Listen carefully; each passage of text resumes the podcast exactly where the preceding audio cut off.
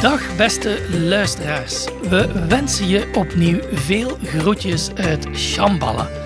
Ik ben Jonas Slaats en ik zit opnieuw samen met... Paul van der Velde. Samen reizen we af en toe door de wereld van hedendaagse spiritualiteit en esoterie. In onze podcasts wisselen we elke keer zo'n 20 of 30 minuutjes van gedachten in de hoop dat ons gesprek wat inzicht kan bijbrengen of dat het onze luisteraars aanspoort om een en ander zelf wat verder uit te vlooien. En Paul, we maakten nog maar twee afleveringen, maar ik ben blij dat we daar ondertussen al wat reacties op kregen. Onze reeks lijkt hier en daar soms wat los te maken. Ja. Meer nog, ik kreeg onlangs een heel vriendelijke, maar ook enigszins kritische mail toegestuurd, die ik graag vandaag als opstapje wil gebruiken voor ons gesprek. De mail werd me toegezonden door Peter Schmitz. Peter Ja. is iemand die zich graag inzet om mensen en organisaties tot filosoferen aan te zetten. Je kan daarover meer vinden op zijn website denkkracht.nl. En deze Peter stuurde me het volgende bericht. Dank voor jullie boeiende podcast. Dat begint al goed, hè, Paul? Ja, prachtig. Goed prachtig. om zo kritisch naar spirituele bewegingen te kijken en met voldoende humor. Maar ik stelde me wel de vraag in hoeverre je niet soms ook het kind met het badwater weggooit. Met name in de laatste podcast waar het gaat over in het moment zijn. Ik ben het helemaal eens dat dat neigt naar spirituele genoegzaamheid en egocentrisme, maar er zit toch ook een goede kant aan het mediteren en op dat moment in het nu zijn. Paul, eh, dat was hetgeen dat Peter eh, ons toestuurde. En ik moet eerlijk bekennen dat het eh, mezelf ook was opgevallen dat we in onze eerste afleveringen misschien wat te weinig sommige facetten benadrukten. En ik vind dus dat Peter eigenlijk wel een beetje een punt heeft, want ik mediteer en bid zelf elke dag. Een half uur s ochtends en een half uur s avonds. Een uur in totaal dus. Ja. Ehm, maar dat weten natuurlijk niet al onze luisteraars. Dus ik moet misschien gewoon ook eens in alle eerlijkheid stellen dat er, wat mij betreft, in elk geval heel erg veel waarde zit in talloze vormen van meditatie. En ik vroeg me daarbij af, want ik weet dat eigenlijk niet van u. Heb jij ook een of andere vorm van meditatieve praktijk of niet? Nou, ik zelf, ja, dat hangt af wat je als praktijk beschouwt. Hè? Kijk, ik, eh, ik ga niet, zoals jij dus nu vertelt, eh, iedere dag dat ik momenten kies om eh, te gaan zitten of met dingen bezig te zijn. Maar het type werk wat ik doe, is al wat dat betreft een oefening op zich. Je moet de hele dag zo geconcentreerd met allerlei zaken bezig zijn, dat je dat, je dat eigenlijk kunt zien als een continue concentratieoefening. En ik heb in het verleden natuurlijk zeer fanatiek Indiaanse tempeldans gedaan. Dat is nu, eh, ja, daar ben ik nou veel te oud voor. Maar eh, daar hoorde inderdaad natuurlijk een hele spirituele praktijk bij. En eh, daarnaast eh, schilder ik en teken ik nog steeds heel veel. Dat doe ik in de weekenden doorgaans. Boeddhistische, hindoeïstische thema's zijn dat meestal. Dat is uren stilzitten en zeer geconcentreerd ja, op de vierkante millimeter bezig zijn. Dus als dat als praktijk wordt beschouwd, ja, dan doe ik daar eh, heel druk aan mee. Want ik sta dus in, in zoverre, kijk, ik noem mezelf niet bekeerd hindoe of bekeerd boeddhist. Ik ben in van alles geïnitieerd, dat wel.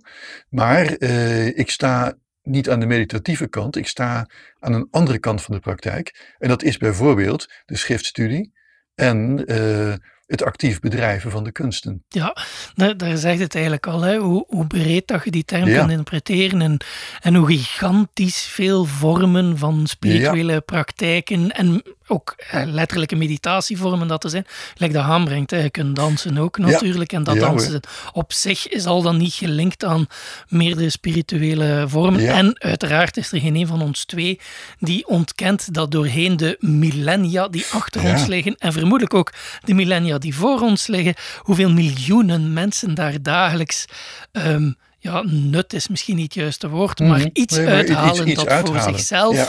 Het, Ja. eh, het leven verbetert. Ja. Dus er is, het is niet dat we dat gaan ontkennen, maar je hebt er, eh, dacht ik, ook een, een redelijk straightforward idee over. Hè? Dat als iemand, eh, ja, zeg het misschien zelf, maar hoe dat het soms wel eens formuleert. Ja, ik, ik vind zelf altijd als mensen door die twee keer twintig minuten per dag of zo op een kussen te zitten, als hun leven daardoor beter wordt, als ze daarvoor aan, daardoor aangename mensen zijn voor hun omgeving, het verbetert de kwaliteit van hun leven, moeten ze het vooral doen. Ik heb altijd twee criteria. Justitie vindt het goed.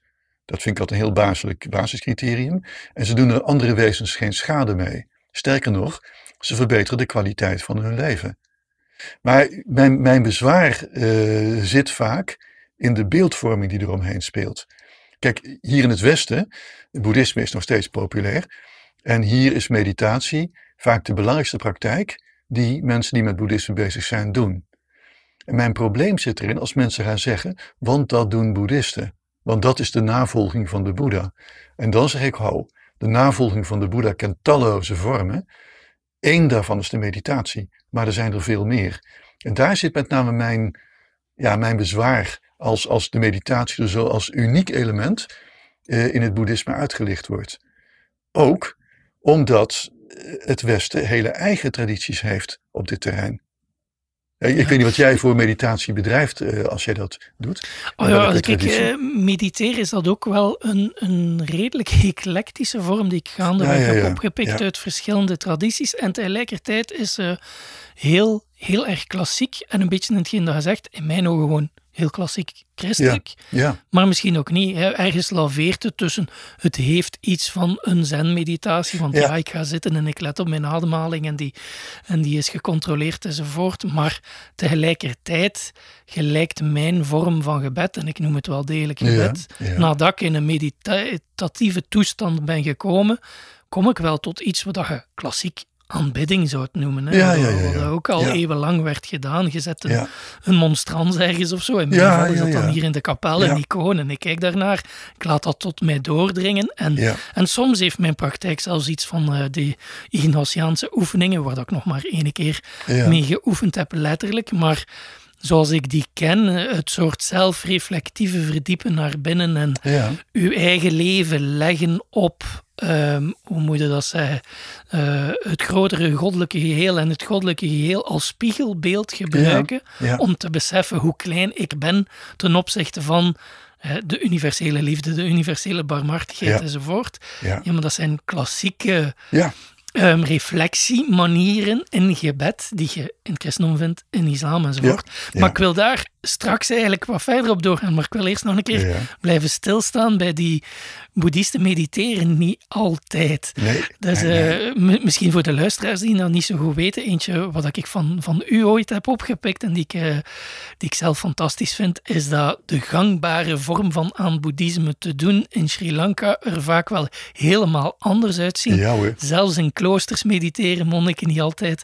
Maar, en nu komt het hetgeen dat ik zo fantastisch vond, dat er zelfs boekjes zijn die u leren how to feed your monk. Ja, Want how to feed your monk staat dan wel centraal. Maar misschien moet dat voor ons luisteraars een keer uitleggen. Van hoe, hoe, dat, hoe dat nou toch werkt. Hè? Kijk, er zijn in uh, Sri Lanka, want ik ken dit met name van Sri Lanka, daar heb je uh, bosmonniken. En die leven dus echt alleen in het woud. Ja, dus, bedoel, het is van een gemeenschap, en ze leven ver van elkaar. Uh, wel loopafstand, maar ver van elkaar. en die mediteren trouwens doorgaans wel. Maar het zijn echt heel uitzonderlijke personen. En nou, als je wilt doneren aan die monniken, met je familie, want dat geeft karmische verdiensten. Hè? Dus dat, dat kun je overdragen aan een overleden voorouder of zo. Nou, wat je dan doet, is dan moet je je inschrijven. En soms moet je jaren van tevoren inschrijven dat je op die en die dag die monniken te eten wilt aanbieden. En dat is een heel devoot Hè? Maar je rijdt met een enorme ja, Land Rover four-wheel drive naar het woud toe. Uh, de hele wagen volgeladen met familieleden en heel veel eten. En je gaat daar natuurlijk een prachtige maaltijd in elkaar zetten.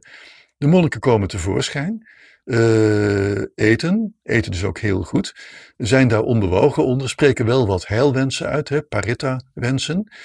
En ze gaan terug het woud in. En jij gaat intussen met jouw familie de rest van dat eten opeten. En die monniken hebben nou het probleem, die worden overvoerd, die worden te dik. En nu worden er in Sri Lanka uh, kookboeken geschreven. Ja, how to feed your monks properly, om het even heel populair zo te zeggen. Um, met een soort uh, dieetvoeding voor monniken. Want de monniken eten te goed.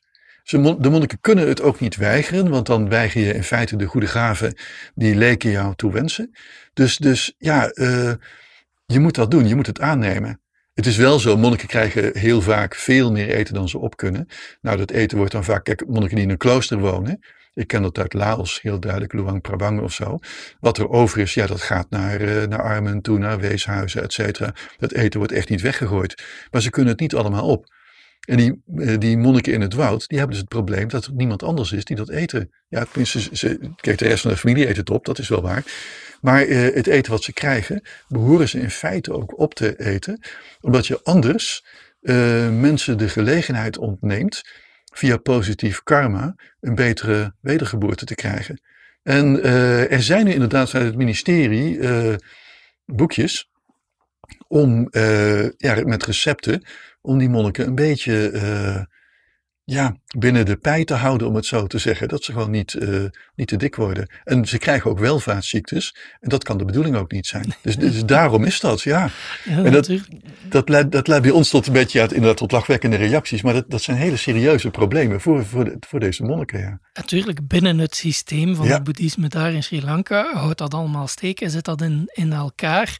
En dat is het interessant als het dan over meditatie gaat. Of, ja. of onze complete, hoe moet dat zeggen, nivellering of uh, essentialisering van het boeddhisme, als ja. ze alleen maar met meditatie bezig is, daar past dat dan weer niet in. Hè. Ja. Maar als dat boeddhisme niet, uh, allee, zeker niet in, in boeddhistische contexten of in Aziatische contexten, ja. zeker niet altijd zo met meditatie ja. gepaard is en vaak met helemaal andere vormen van devotionele praktijken. Ja, Want dat is hetgeen dat jij nu beschrijft, ja, een devotionele bijvoorbeeld. praktijk. Ja.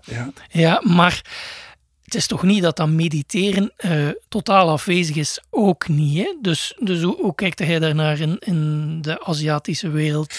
Nou, het, het, is, het is niet totaal afwezig, maar wel heel erg afwezig. Dus hmm. er zijn altijd wel wat monniken die het wel doen. Maar zowel in Sri Lanka als Tibet wordt de meditatie beschouwd als iets voor late roepingen. Mensen die pas laat tot, uh, tot monnik of soms non zijn geworden. En niet meer in staat zijn enorme lappen tekst van buiten te leren. Want de schriftstudie is in Azië belangrijker dan de meditatie. Maar de monniken die hier kwamen, of uh, die, die in contact kwamen met Westelingen in Azië in de jaren 50 en 60, uh, die Westelingen kwamen met een vraag. Die monniken hadden al vrij snel door dat Westelingen geen behoefte hadden aan nog meer boeken. Ik bedoel, het is al een en ander boek hier. Het is al zoveel boeken. We zijn al zo mentaal bezig. Uh, mensen hadden behoefte aan een beleefde praktijk. Nou is meditatie natuurlijk toch een behoorlijk mentaal proces. Maar je kunt dat natuurlijk doorvoeren ook in, in houdingen. Loopmeditaties. Dan ben je inderdaad heel erg aan het concentreren op wat je precies met je lichaam aan het doen bent. En in yoga bijvoorbeeld speelt dit ook enorm. En yoga is hier onder meer zo populair omdat het lichaam wordt ingezet. En uh, dat is natuurlijk iets wat, de behoefte daaraan was gewoon groot. Dat hebben die monniken ook heel knap gezien.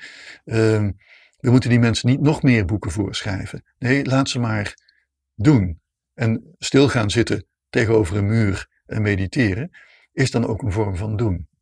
Je hebt je lichaam er ook bij nodig. Hè? Dus het is niet voor niks dat in het boeddhisme vaak wordt gezegd, dat wordt in Azië ook gezegd, de geboorte als mens is de meest fortuinlijke geboorte. Want uh, met een menselijk lichaam ben je heel goed in staat het pad van de Boeddha te gaan. En je kunt doneren. Je kunt met werk uh, geld verzamelen wat je kunt geven voor goede doelen. En met een menselijk lichaam kun je ook stilzitten.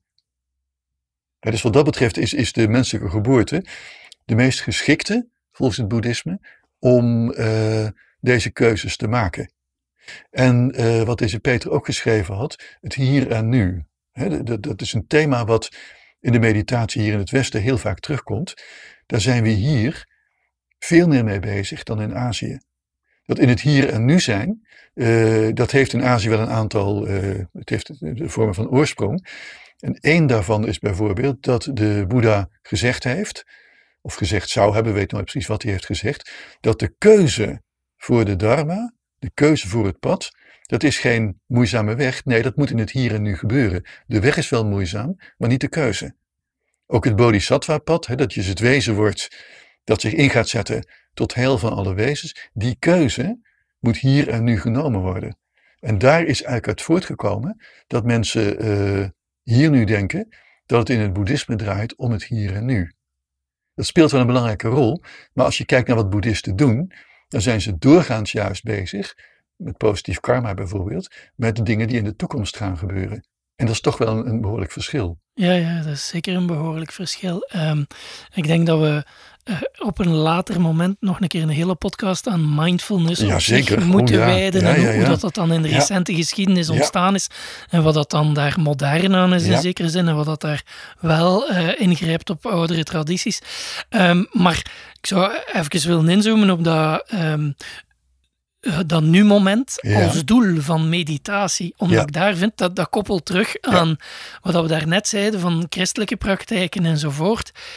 In mijn ogen is een groot stuk van de manier waarop dat meditatie vandaag in westerse, Europese en Amerikaanse contexten beleefd wordt, veel christelijker dan dat boeddhistisch is.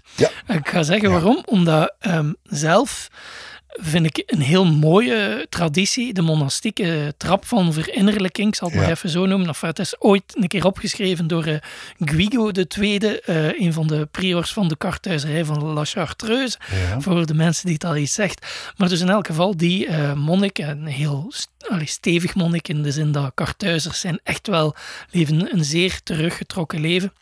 En een van de principes die hij naar voren schoof, was dat je om aan verinnerlijking te doen, dat je de trap moet gaan van lectio, meditatio, oratio en contemplatio. Ja, nu, ja. lectio is lezen, hetgeen dat je daarnet ja. ook aanbracht, eigenlijk dat in vele culturen bestaat, de hele traditie van heilige teksten erop kouwen, ze telkens opnieuw herhalen, ze jezelf eigen maken enzovoort. Nu, als je die teksten eigen maakt, dan is de volgende stap meditatio, dat is erover nadenken in wat dat Guigo dan schrijft, hij is erover nadenken, ze, ze in uzelf laten zakken tot wanneer ze wijsheden worden ja. die niet alleen in uw hoofd, maar ook in uw hart leven. Dan de volgende stap is oratio, vanuit die wijsheid uw gebed, letterlijk uw gebed tot het goddelijke richten, nog enigszins ja. met woorden, om dan te eindigen in de contemplatio. En dat is het moment waarin dat de woorden wegvallen en je alleen zijt met het goddelijke. Je verwijlt in God zelf. Hè? Ja. Of met woorden die toen vaak gebruikt werden. Je, je, smaakt en je proeft God, als het ware, op dat moment. Ja. Nu, interessant daaraan is één, dat het woord zelf, meditatio, toen het in de middeleeuwen gebruikt werd, blijkbaar iets anders betekende dan vandaag. Namelijk, wij wisselen contemplatio en meditatio om van plaats. Het is te ja, zeggen, contempleren in onze uh, betekenis vandaag is net datgene dat Guigo bedoelde met meditatio. Nadenken over, rustig laten inzakken van een bepaalde tekst. Dat is voor ons contempleren over een tekst. Ja. Terwijl meditatio, dat relateren wij aan dat laatste moment ja. waar woorden wegvallen en dat je in alle stilte um, de, het goddelijke in jezelf laat binnenkomen. Nu, op zich is dat een heel mooie, ja, heel mooie monastieke uh, trap ja. en zit, zit netjes in elkaar op spiritueel vlak. Maar dus wat ik wil zeggen is dat net die trap is al Ja. bij al een beetje wat dan mensen vandaag in dat boeddhisme zoeken. Ja. Als ze dan komen tot dat nu-moment, stel ik me altijd de vraag: ja, maar wat vind je daar dan? Ik, ik snap over wat dat gaat, want ik voel het zelf geregeld Ja, ook in mijn meditatieve praktijk. Ik weet wat men bedoelt. Maar is dat nu-moment dan een soort mystieke ervaring van alles om u heen en hoe dat, dat één wordt met alles binnenin u? Als het dat is, Sorry, maar dan heb je een ervaring die vroeger een godservaring zou Ja, genoemd worden. ja, en ja, alleen vandaag mogen het woord God niet meer Niet gebruiken. Dus, dus hoort dat niet op een of andere manier. Nu, tot daar en toe dat mensen het niet goddelijk willen noemen, wat ze daar vinden.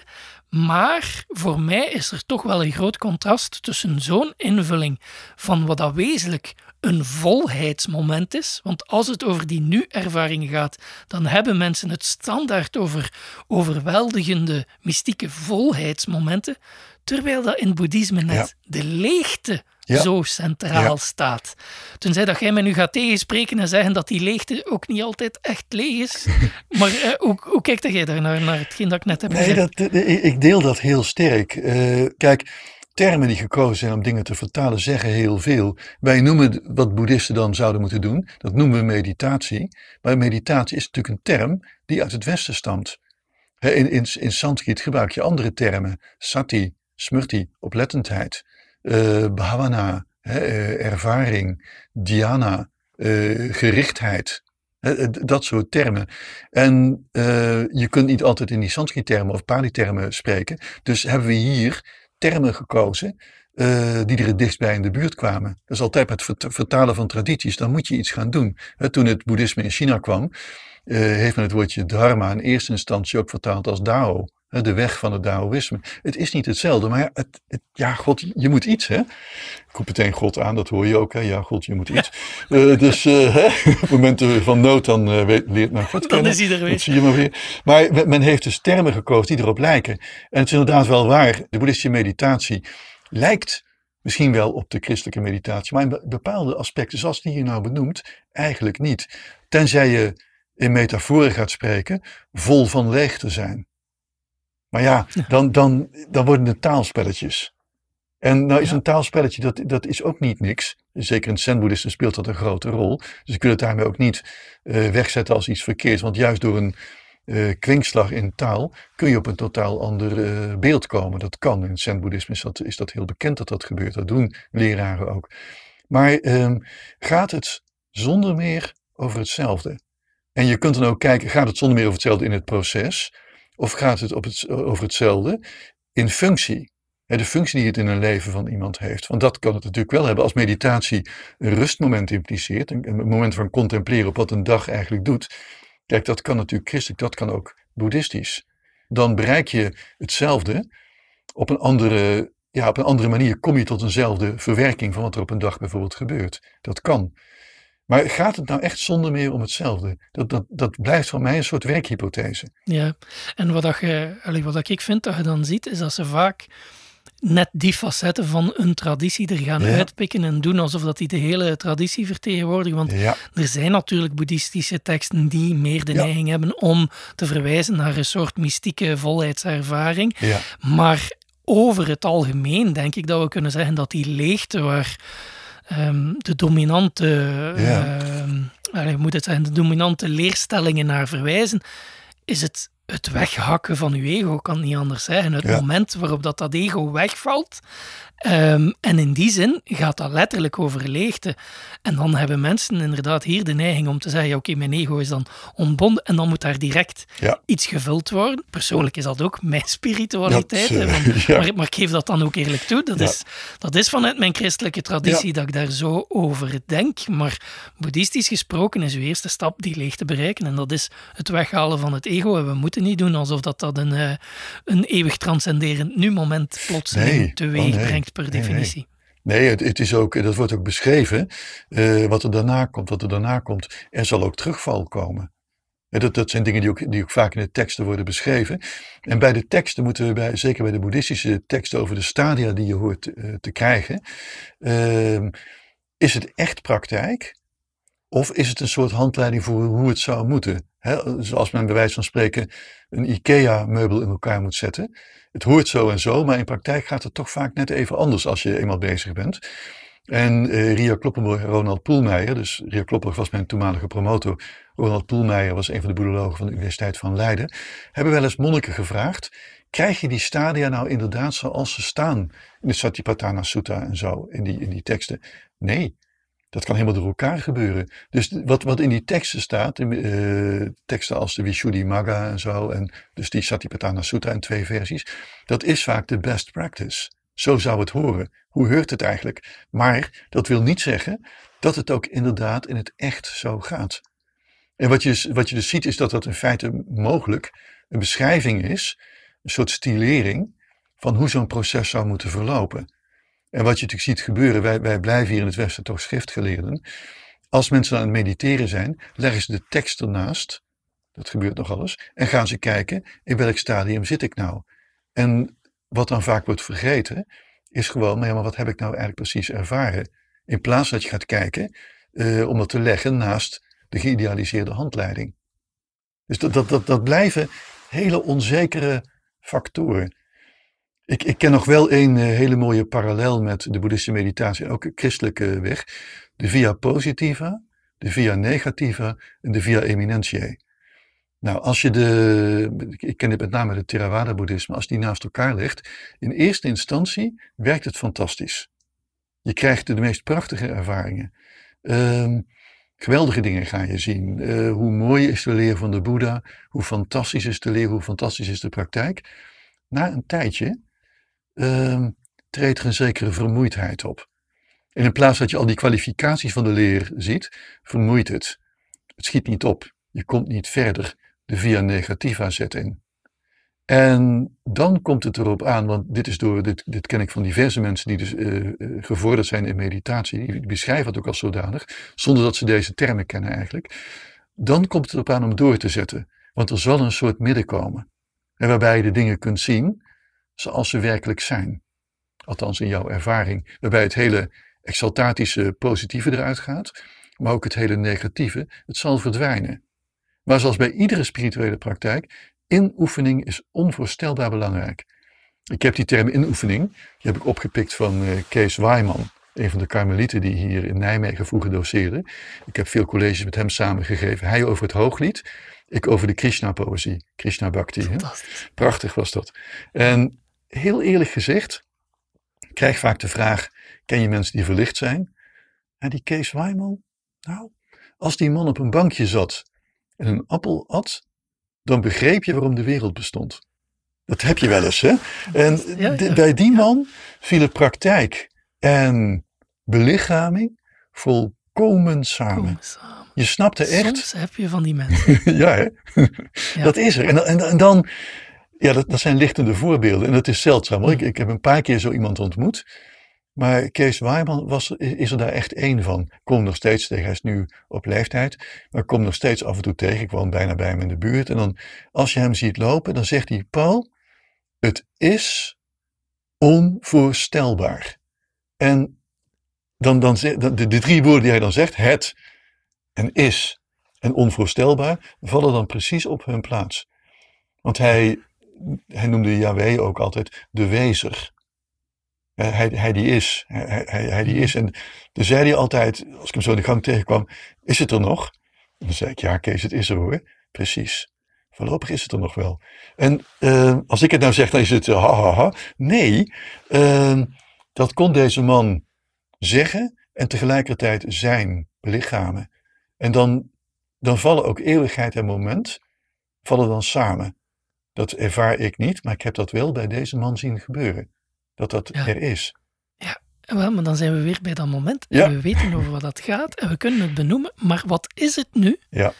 Wat is nu precies de onderliggende motivatie om dat per se ergens anders te projecteren? Ja. Eigenlijk dat je nu vertelt, je kunt dat inderdaad in allerhande tradities bij, bij, verschillende mensen overal wel tegenkomen. Het is, het is vaak zeldzaam om, om de echte, de puurheid ervan soms tegen te komen. Maar waarom die grote nood in onze samenleving bij zoveel mensen om dat te projecteren op dat boeddhisme en te negeren in welke andere tradities dat gelijkaardige, maar soms verschillende dingen bestaan. En, en van daaruit ook waarom die nood om dan soms in andere tradities dingen er erin te wringen die er ook die, die er eigenlijk niet in zitten. Ja, nou dat heeft bij boeddhisme naar mijn idee heel duidelijk mee te maken.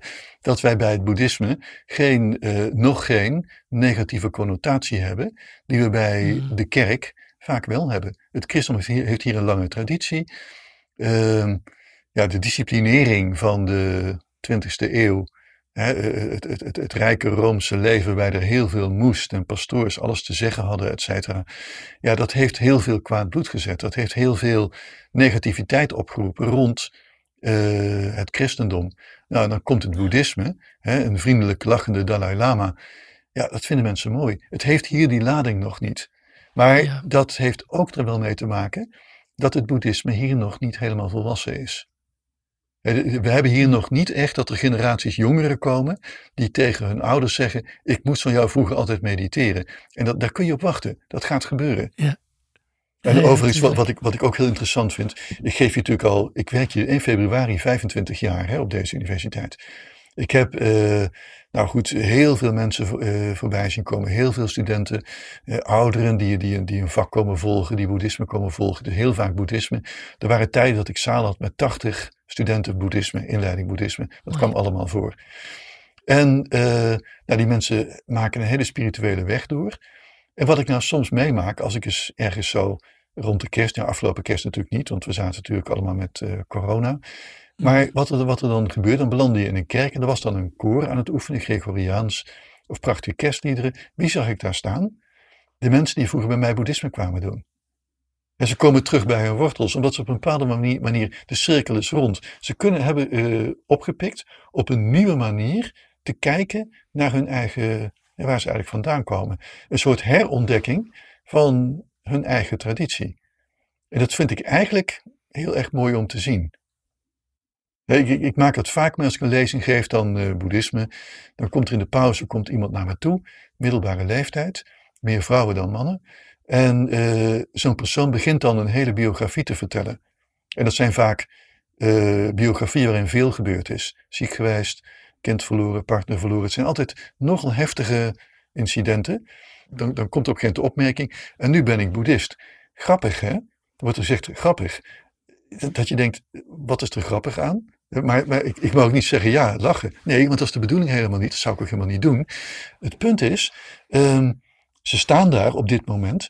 En als ik dan de leeftijd van de persoon in aanmerking neem en uh, zie wat de spirituele ontwikkeling is, dan denk ik, oh, maar dit gaat verder. En inderdaad, die mensen kom ik dan 15 jaar later bij een christelijk koor tegen. Of ze gaan naar Santiago lopen op een gegeven moment. Of een stuk naar Santiago lopen. En uh, ja, dan kan men zeggen, dat kunnen we natuurlijk zeggen, dat is eclectisch. Dat is niet conform de traditie. Maar ja, blijven mijn criteria. Uh, justitie vindt het goed. Niet al te veel wezens lijden eronder. Als die mensen daar gelukkig door worden, doen. uh, Absoluut. Ja, dan zijn we eclectisch, dan zijn we aan het cherrypicken. Maar ja, als mensen er gelukkiger van worden, aangenamere mensen worden, ja, ach. Waarom zou je het niet doen? doen. Absoluut. Ja. Goed, Paul, zullen we daar dan maar mee afronden? Oké. En uh, misschien kunnen we ook al een klein tipje van de sluier lichten uh, over onze volgende aflevering. Want uh, jij hebt een nieuw boek geschreven. Ja. Dat komt in februari uit, hè? Ja, is niet? ja ik, ik, kan het even laten zien. Ja, ik kan het jou laten zien. Dit is hij. Ja. In de huid van de Boeddha. Mooi. En dat is een inleiding boeddhisme, dus echt, echt geschreven voor, het is een publieksboek, echt geschreven, uh, ja, uh, wat noemen wij boeddhisme tegenwoordig, het leven van de Boeddha, leerstellingen. En ik heb er daarna een aantal onderwerpen uitgelicht die uh, met het boeddhisme te maken hebben, de Dalai Lama, het Boeddha-beeld, de connectie boeddhisme en psychotherapie, zen-boeddhisme, dat soort onderwerpen. En ehm, heb er met veel plezier aan gewerkt. En ja, het, zou als, het is al een paar keer uitgesteld door de lockdown die er continu is. Maar uh, twee weken terug kreeg ik opeens een doos thuis. En daar zat hij in. Dat is hem. Fantastisch. Maar zoals gezegd, dat is uh, voor onze voor volgende, volgende keer. keer. Dat is dan uh, meteen ook een mooi vervolg op deze aflevering. En dan kunnen we nog wat meer misverstanden rond het boeddhisme wegwerken. Zo dus, beste luisteraar, hopelijk kon deze aflevering je aandacht erbij houden. En zit je nu al vol ongeduld te wachten tot de volgende.